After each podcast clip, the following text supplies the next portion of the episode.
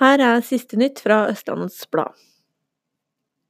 Frp-politikerne Tønne Stenersen og Jarle Ørnebo fikk oppleve Follo med blålys på taket natt til lørdag for to uker siden. Vi fikk se at gjenger fra Oslo reiser til Follo og bidrar til vold og utrygghet, sier Stenersen. Stortalentet Jenny Norheim på 20 år hadde store drømmer som fotballspiller før hun opplevde skademarerittet.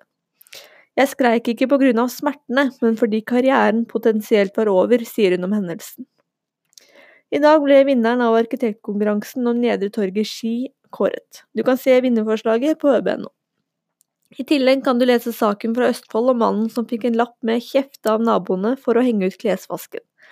Respekter våre høytidsdager, var beskjeden.